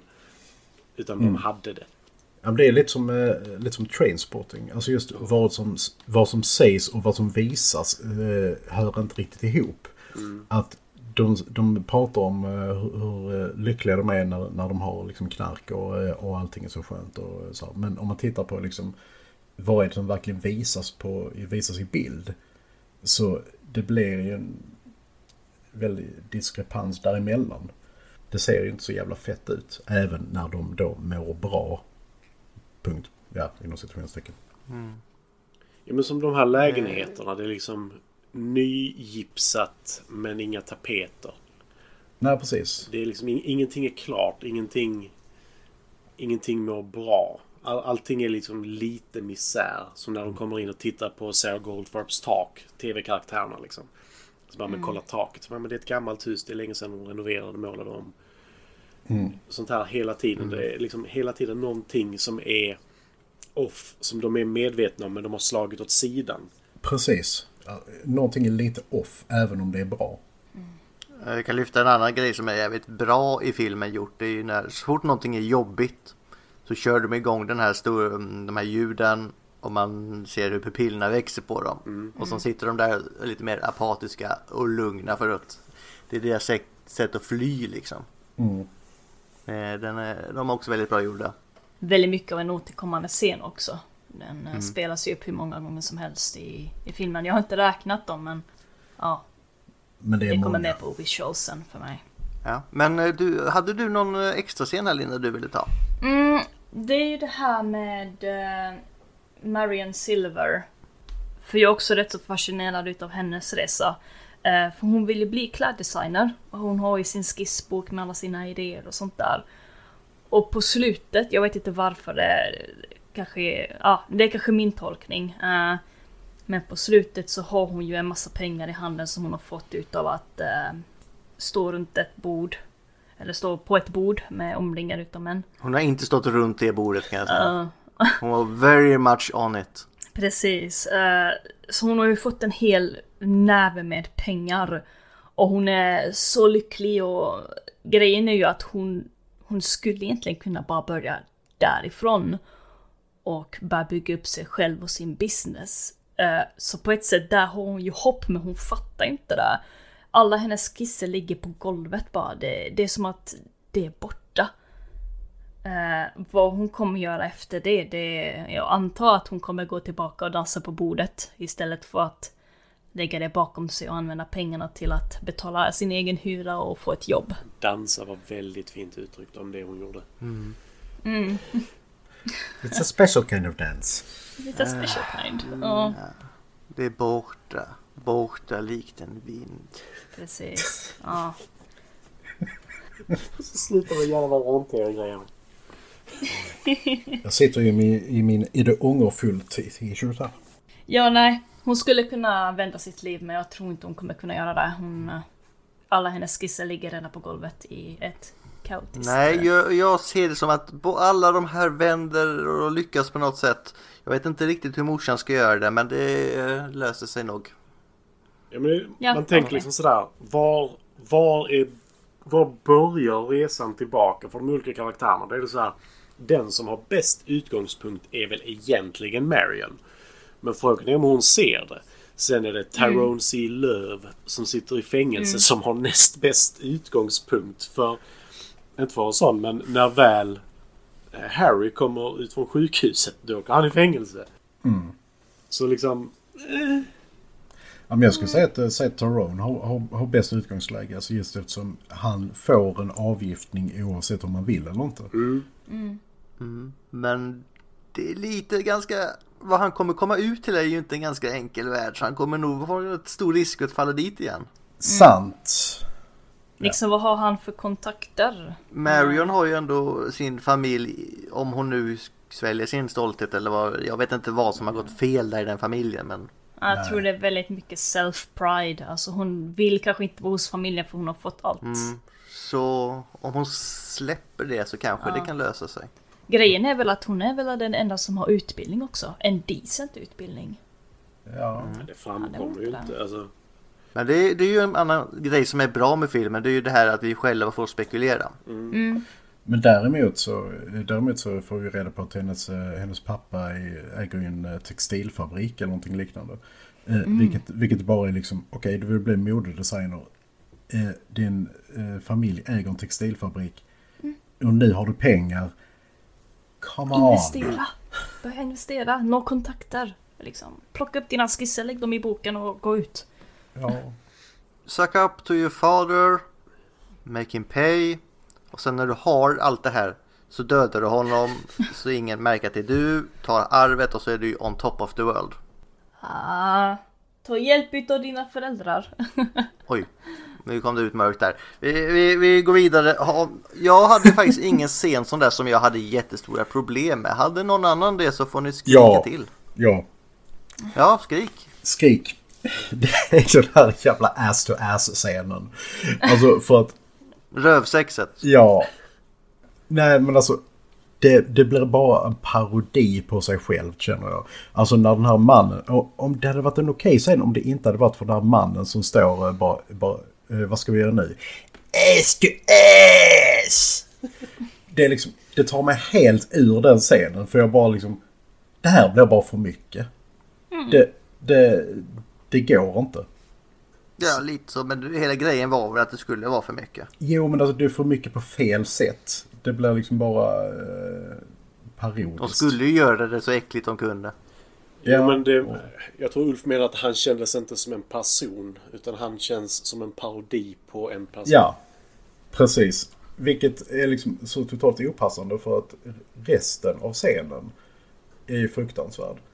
Men han blir liksom bara, men nej. Mm, fel läge att ha någon som spelar över på det sättet, ja. Ja, Det är det jag menar att han påminner mig om de tvillingarna som är med i Mortal Kombat. Ja, ja, ja. Mm, point, point. Är det någon annan som har någon de vill skrika ut? Tre, två, ett. Såld till ingen. Vi går vidare. Var filmen bra hörni? Matti? Nej, förlåt. Favoritkaraktär. Jag hoppar ju för snabbt här. Ja. Eh, alltså det finns väl ingen att... Alltså... Vad ska man säga? Det finns ingen karaktär jag tycker om. Men Sarah Goldfarb är bara så fruktansvärt bra skådespelad. Om man säger så. Ja, alltså det, det är ju det som tar hela... Nästan hela filmen. Det är ju hennes take på den rollen. Mm. Ja, men det, Ja. det var lite som det vi sa eh, när vi pratade Carnosaur. Där är liksom en skådespelare som springer cirklar runt alla andra. Blandar du in Carnosaur i den här filmen Matti? Jag måste dra ner denna till någon nivå som är rimlig. nej, men, nej men lite så alltså. Hon, hon är ju... Hon är ju hästlängder framför de andra skådespelarna i den här filmen. Så enkelt är det.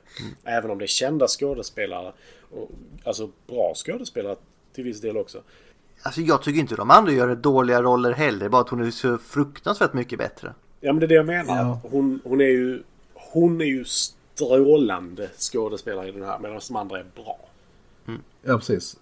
Dynamite. Ja, men Jared Leto har inte riktigt eh, eh, år 2000 nått sin alltså peak i skådespel. Nej. Alltså där eh, som man hade runt Dallas Buyers Club och, och det här va.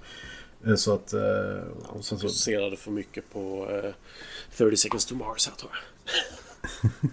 Eh, Jag är rädd att han har lite för mycket looken av eh, Peter Parker i Spider-Man 3 också. Ja. Karin trodde han peruk på sig under hela filmen.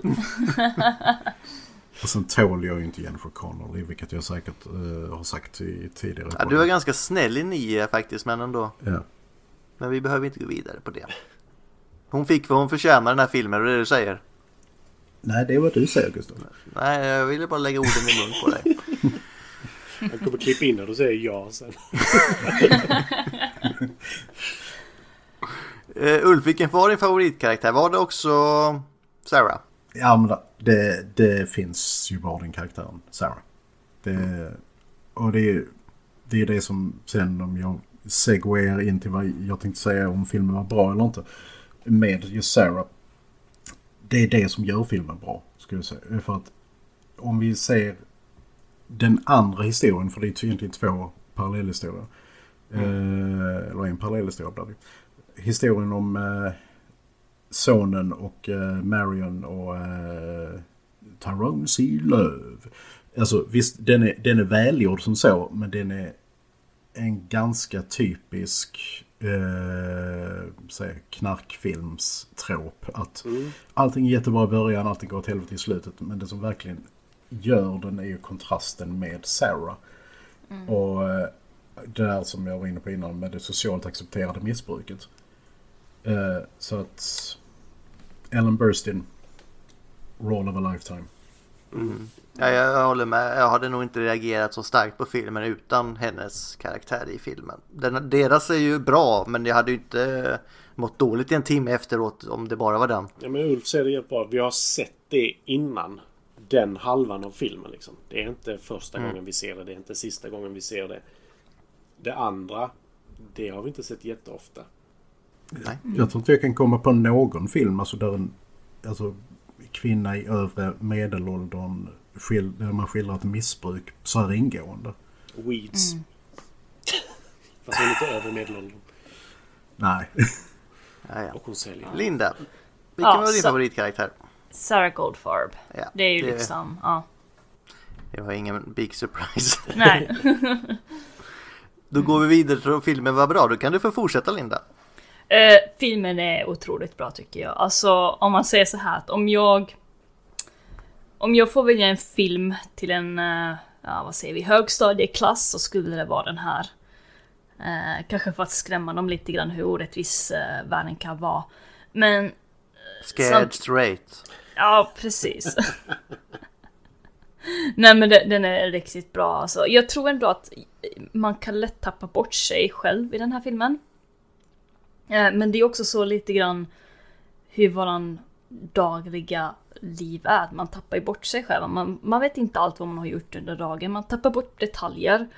Och jag tycker ändå att den här filmen gör det på samma sätt. Att den utspelar världen på ett väldigt bra sätt. Alltså, man förlorar tidsuppfattningen. Och som sagt, den har inget filter heller. Den har ingen sugarcoat eller någonting. Den bara visar att så här orättvis kan världen vara. Så var försiktig med vad du gör. Mm. För, för att fylla i där så jag tror absolut eh, den har passat som eh, en film att ha i skolan. Eh, jag jobbar som lärare om inte har sagt det på den tidigare. Eh, nej, men just eftersom den är så pass ofiltrerad. Att den är... Eh, för att eh, om, det, om man visar en film på en lektion som är filtrerad och sugarcoded. Ungarna vet direkt när man försöker bullshitta dem. Och det här, det här är ingen bullshit.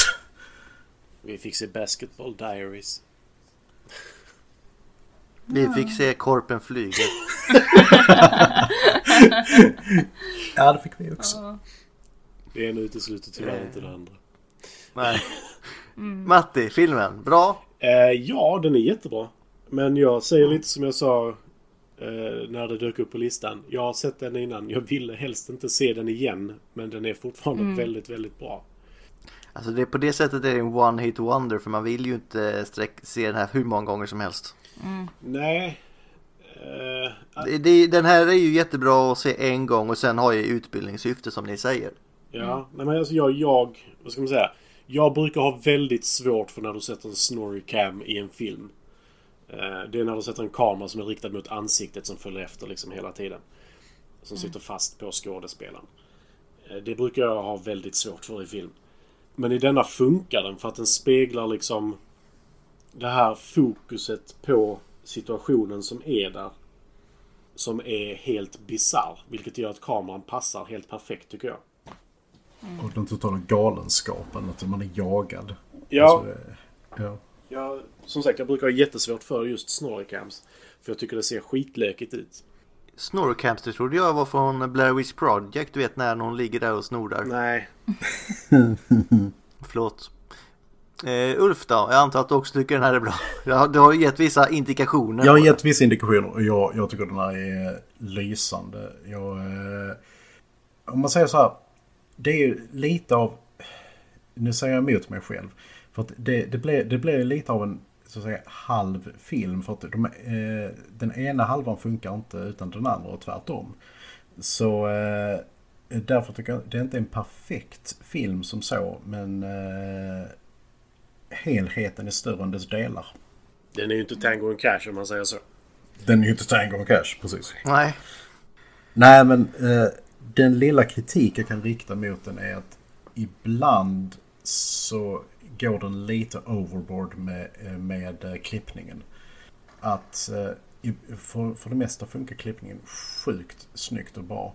Men ibland så blir det lite för mycket 90-tal MTV över det. Jo, men det var ju det som var tanken också.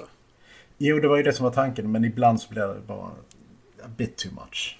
Ja, men det, det känns som att de ville komma över 2000. alltså lite... Ja. Men det, är- alltså det är en nitpick, verkligen. Eh, så att ja, det är en fantastiskt bra film det här. Men jag tror, jag tror också att det är väldigt bra att det är så mycket för... Jag vet inte vad det heter på svenska, men... Jarring. Alltså att du tas ur det på ett sätt. För att det klipper så pass mycket. Att du... Du, du ska bli lite sådär irriterad på det. Du ska bli lite förvirrad av det. Men jag håller med att det, det kan bli mycket ibland för att det blir... Inte förvirrande men så här irriterande nästan. I vissa scener. Ja, precis. Men, men du har absolut rätt i det du säger att den, eh, den kräver ju uppmärksamhet på så sätt. Att den, eh, just att den tar en ur ögonblicket och sen så kastar den in igen direkt. Man kan inte slappna av med den här filmen. Nej. Då går vi vidare till det visuella Linda. Var den här filmen snygg? Eh, den är väldigt snygg och jag gillar det här med split screen filmningen som de gjorde till exempel i början när, eller, eh, när det här paret ligger i sängen och pratar med varandra. Det är liksom att de är separerade utav någonting men de fortfarande är där och det var en väldigt intressant scen. Eh, sen också hur de visuellt... Vis jag kan inte prata idag, jag tror jag är fortfarande bakfull. Um, Igen? ja men det har varit jul. Intervention! Intervention! Sen också hur det här när de visualiserar när det tar droger. Eh, som nästan är som en kort musikvideo med ljudeffekter, de här små klippen.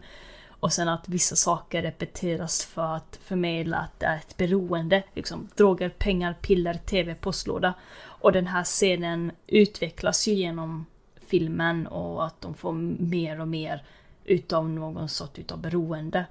Eh, till och med kaffe kommer in som ett beroende i den här filmen. I need my fix. Hade inte in kaffe till detta Linda. För sent. Jag kan ha koll på det här. Sedan har du ju valt eh, platser som även eh, berättar hur människor bor. Eh, vi har väldigt rika människor och vi har väldigt fattiga människor och lite där mittemellan också. Eh, försök att lägga märke till objekt som står på bordet eller titta på eh, Ma- Marian Silvers skisser, hur de först eh, omringar henne på ett fint organiserat sätt. Då det på slutet ligger på ett kaotiskt sätt, sätt då det har bara fallit ner på golvet och blivit en del utav hennes matta i hennes vardagsrum. Även det här med kameraplacering då det har fäst kameran på personen. Eh, det älskar jag i det här fallet. Eh, det är ju så vi på ett sätt kan känna hur karaktären går och mår och hur allt svajar snabbt eller långsamt och hur tiden känns. Det blir nästan som en feberdröm känns det som. Um, min personliga åsikt i alla fall. Eh, på slutet så har vi igen alla ljud, visuella, visuella bilder som bara blinkar förbi. Allting händer snabbt. Vilket indikerar till att karaktärerna har förlorat helt kontroll eh, över sina liv. Det är kaos. Det blir jobbigt att titta på filmen men det är minst lika jobbigt för karaktärerna att gå igenom det som händer på skärm. Det var det jag hade om det visuella. Otroligt snyggt. Någon annan som vill lyfta någonting där? Nej, jag tycker du hit, hit, Vad heter den? Hittade Prickade rätt spotten. mitt i. Hit the mark. Hit the mark, så heter det. Yay! Eh, då går vi vidare till fun facts och hoppas det finns något kul om den här filmen nu och inte mer... Eh... så Matti, börja du. Du brukar vara den som har roliga saker. Jaså? Men... eh, Ja, du, konkurrensen är inte stenhård kan jag säga. Nej men alltså. Jag var ju inte så super eh, förberedd idag men... eh, The prop refrigerator for the hallucination scenes melted from the inside due to the light elements within. Och det kan ju vara lite kul kan jag tycka att deras kylskåp smälte. Och där får vi ju faktiskt beviset på att Ulfs yrke kanske inte är så himla lätt att ha att göra. För det är inget riktigt kylskåp Ulf. Va? Ja. Disappointed! Sen har vi en ganska så förhoppningsvis riktig lögn från Jared Leto. Som säger att han, han blev ju vän med massa heroinberoende och sånt där inför den här filmen. Så han skulle lära sig hur man var en heroinberoende. Där han säger till Rolling Stone-tidningen att han eh, sköt upp vatten när han hängde med de riktiga knarkarna. Och jag vet inte hur bra det är att skjuta in vatten i sin blodström. Det är ju bättre än syre. Men... Eh, Jag vet inte riktigt vad jag ska tycka om det. eh, Det är liksom bara så... eh, I get method acting men det, var, det där var lite... Hmm. Jag vet inte. Sköt upp vatten. Jag fick bilden av en bidé. Jag håller den bilden istället. Så inte det är det han menar. Men jag satt på min bidé medan knarkarna satt runt mig och sköt in heroin. Så bara, mm, inte det han menar Gustav. Nej, ja, men som du sa, det är en försvarsmekanism. Mm. Har du något mer eller ska vi skicka vidare bollen till Ulf så kanske du Ja, kommer jag, jag tillbaka? har ju en sak som Ulf kommer gilla kanske. Oj, Han som skriker ass to ass. Det är en improviserad replik. Och då är min fråga. Hur hade de planerat scenen innan? Oh. Oh. oh. Typ Human Centipede. Um, Och sen så har vi ju ja, att... snälla gör det här värre för, för guds skull. Spe- s- rulla snöbollen. Nej men sen kan vi också Klart. ha liksom att eh, tre av de fyra huvudrollsinnehavarna har faktiskt vunnit Oscar. Och vi kan ju gissa oss till att det inte är Marlon Wayans som har vunnit en Oscar. nej. Eh, med tanke på hans andra filmer. Ofta. Men där kan jag sluta. Yes. Ja. Och då tar Ulf vid. Ja, och jag eh, får prata om Perfect Blue, vilket gör mig jätteglad. Eh, För eh, en scen som är återkommande i Darren Aronofskys filmer, jag tror den är med i Black Swan också, är den scenen när Marion sitter i badkaret och hon skriker under vatten. Man ser bu- luftbubblorna bara som går förbi henne. En exakt replika av en scen i den japanska animen Perfect Blue från, 80, från eh, 97. För Darren Aronofsky är så stort fan av den och det tyder på jättegod smak för det är de bästa animes jag har sett. Att eh, han har rättigheterna till en live action-version av den här filmen. Eh, bara för att kunna använda eh, den, här, den här scenen eh, när, när han vill. Och nu är min en av mina högsta filmönskningar är att Darren Aronofsky faktiskt ska göra en hel live action-version av Perfect Blue. Har ni inte sett Perfect Blue, se den. Den är fucking amazing. Och just det. Den här eh, ledmotivet, Lux Aeterna Eterna, eh, som komp- eh, komponerad av en kille som heter Clint Mansell. Den återkommer hur ofta som helst i filmer. Framförallt i trailers till andra filmer. Vilket gör att jag ofta har funderat på, skrevs den här verkligen till Requiem for a Dream eller, eller inte? Men det gjorde den tydligen.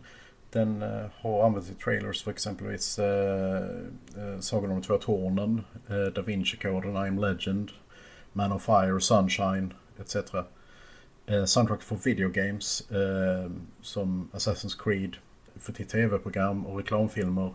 Till och med professionella sportlag har den när de marscherar in eh, på plan. Så att eh, han har nog tjänat en del pengar på den. Och jag kan avsluta med att de flesta skådespelarna verkar det som eh, när de väl fick, fick manuset första gången eh, sa att bara nej det här tänker inte jag göra. Och sen så kollade de upp Darren Aronofsky och framförallt eh, eh Pi, alltså den här filmen från 98. Och sen så bara okej, jag kan nog tänka mig göra det här trots allt.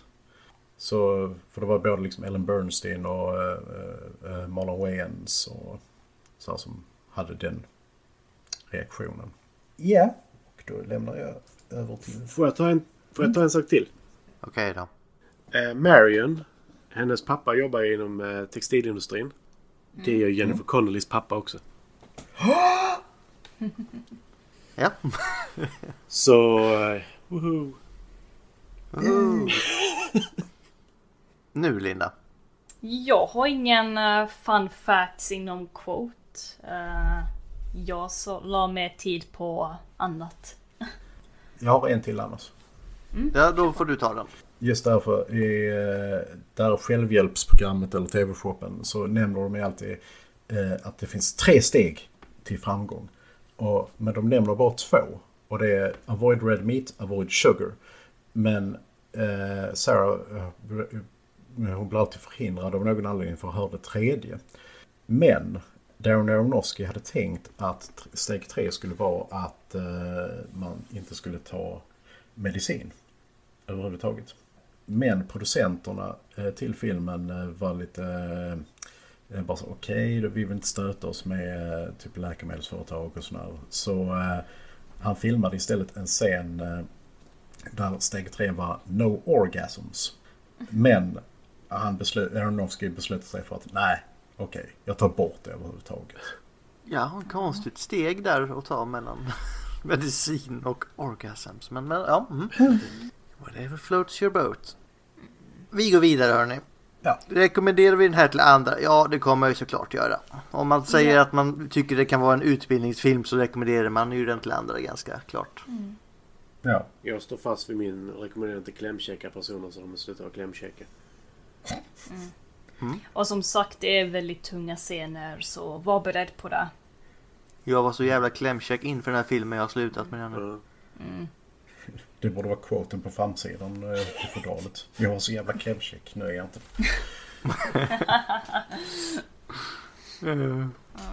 Nej men säg det, något, säg det något åtminstone en gång. Säger jag. Mm, lite så. Sen får du avgöra själv om du ser den fler gånger. Eh, då kommer vi fram till nästa fråga. Kommer vi se den igen? Helst inte. Jag kommer nog inte se den igen faktiskt. Det kommer att dröja men jag kommer nog se den igen. Linda? Ja, jag kommer nog se den igen. Jag vet inte när. Men jag vet inte heller om jag kommer se hela filmen.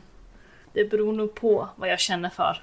Du kan ju se det klippet jag skickade på... Uh, Requiem for a Dream by Puppets in 60 seconds? Eller det var kanske bara Ulf som fick den. jag, jag tror du bara skickade till mig. Ulf var den enda visste hade sett den så jag skickade till honom. Och Matti då? Ser du den igen? Helst inte om jag ska vara ärlig. Alltså, som sagt det är en jättebra film men... Jag är lite av så här. Det finns en anledning till Du att är blödig, det är det du säger. Jag har blivit blödigare faktiskt. Det har jag blivit. Men vi får gå in i en pakt här i podden i så fall. Om någon av oss börjar bli klämkäck igen då måste den personen se den här filmen. ja, Så är det bara. Jag kan se på AI eller något sånt där också ju. Nej, Denna är bättre än AI i och för sig. Men... sen, sen försöker jag pu- pusha Serbian-film på Matti. Ja, det... Nej, nej, nej. nej. nej, nej, nej. nej. Nu, nu, nu, nu, nu, nu. Jag tror jag har veto på den filmen i eh, filmlistan faktiskt. Jag förstår det. Eh, Test of Time då? Håller den här fortfarande visuellt, i tempomässigt, politik, könsroller, stereotyper? Alltså den känns... Ja. Jag tycker ju Ja. den känns verklig, om man säger så. Eh, Det är samma värld som då som den nu höll jag på att säga. Det är det ju inte, men... Eller jag tycker inte det. Nej, det är inte långt ifrån men i, i, i detta sammanhanget. Nej men det, det är det jag menar med att den känns verklig. Det är liksom att den känns inte som en film när det är repliker. Utan det känns som ett språk. Alltså om du förstår vad jag menar. Att jag tänker att det, det, det är så folk pratar och tänker och säger. Det är inte repliker. Skulle ordet dokumentär vara bättre ord? Oh nej. Nej. Men alltså världen den skildrar är ju... Jag tror inte har ändrats så mycket. Alltså den, Nej, den, den delen av världen. Eh, med missbruk etc. Jag tror det är kind of the same shit idag som det var för 20 år sedan. Ja, men det jag menar är liksom... Det är det här med... Vad ska man säga? Könsroller och... Alltså språket man använder runt folk. Mm. Eh, Det är det jag menar att det, det känns inte som repliker utan det känns som Nej. folk skulle prata. Det enda jag, kan, enda jag kan tänka är väl liksom eh, att vi har... Gemene man har nog lite mer kunskap om just eh, så att säga, pillermissbruk idag än vad man hade för 20 år sedan. För då var det ganska alltså, unheard of för, för många. Alltså just att, oh, bli eh, torsk på läkemedel. Eh, idag så är det ju ett jätteproblem i framförallt USA. Ja, Oxycontin och allt sånt ja. Ja. Och nästa punkt, Star Wars-skalan hörni. Matte inled. A New Hope skulle jag säga. Faktiskt nummer fyra. Okej. Linda, är det här en eh, Attack of the Clones? Jag har inte bestämt mig. Då får du avvakta och se vad Ulf säger. Eh, jag säger också New Hope eftersom eh, ja, som sagt jag tycker inte man kan ta ut en del av filmen och den håller i sig själv men tillsammans blir det en fantastiskt bra film. Så att den är inte riktigt uppe på eh, Empire-nivå. Den är precis under. Eh, Jag måste ju säga samma sak. Fan, vi har haft några bra filmer nu ett tag tycker jag. Skärpning nu alltså. Ja, förutom Carnosaur. Ja, men det... den, den har jag bortsett från, höll på att säga. Yes. Linda, har du bestämt dig? Ska jag bara se The New Hope bara för att bli av Nej, med du det ska här? säga vad du tycker. Du ska inte göra oss nöjda. Men jag vet inte för det finns ingen Star Wars-film som får mig att må dåligt förutom Star Wars Episod 3 och det är inte ens på samma sätt. Nej, inte så här, men alltså i hur du mottar filmen som helhet. Du behöver Ja. inte må dåligt av den. Nej jag vet men ah, det... Mm. Linda, hur, hur skulle du ranka? Vilken film... Om vi säger att det finns nio filmer. Och de här filmerna Alltså, är olika bra. Ja, Vilken film skulle du säga att den här filmen skulle representera i brahet? Inte hur, hur de får dig att må. Nej jag, jag vet, jag fattar din poängsystem. Den är dålig. Uh, Nej jag säger Episod 1. Ett. Ja. Kommer du få besök av Gustav snart så. Ja men då är han välkommen men ta mask på dig. Jag kommer med Darth Vader-mask. Han var inte med i den. Du får på dig en liten Jag vill bara säga när Linda säger att det här är Phantom Menace så vill jag säga att den här har 8,3 på IMDB bara som en jämförelse. Vad har På Phantom Menace på IMDb? inte 8,3. Nej alltså, men det, jag, har nog aldrig, jag har nog inte kollat upp den sen jag såg den. på att säga. Så eh, den har 6,5. på Oj. IMDb. Close enough. Eh, på Rotten Tomatoes, och Tomatometern är 79% och Audience Score 93. Av 328 440 röster på Audience Score. Det är ganska högt. Nu vill inte jag prata Star Wars-skala mer idag. Nu vill jag gå in på Spin the Wheel. Och jag vill ha något lite mer upplyftande så jag kan bli så här klämkäck som jag var innan jag såg den här filmen. Nej men du vet vad som händer Gustav? Ja, jag måste se den här filmen innan Ja. jag vet. Är ni redo? Ja. Let it rip.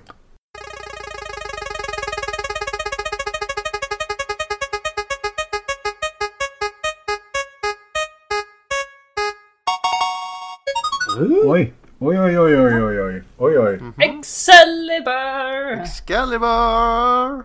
Vilken av dem är det? 82an va? Med Patrick Ja. Stewart. Yes. Ja, så, så ni vet redan att jag kommer att prata om Patrick Stewart nästa vecka. Ja. Men eh, nästa vecka blir det mycket Patrick Stewart. Han har varit med i någon tv-serie som är rätt så känd. Där han spelar flöjt har jag för mig. Japp, det är det enda han gör. Ja. Jag har bara för mig att han spelar flöjt rätt mycket. Eh, Linda, vilken quote Ja. har du valt för den här filmen? Jag har valt en quote som I'm going to be on television. Fy fan. Sarah! Juice by Sarah. Juice, juice by Sarah. B. Excited. Be, be excited. Vi tackar för oss där hörni. Tack. Tack för idag. The Chaos Bringer over and out. Och tycker ni om vad vi gör för någonting så tyck om det. Gör ni inte det, tycker inte om det. Tack för oss.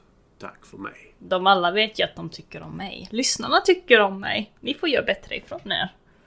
I can only be me.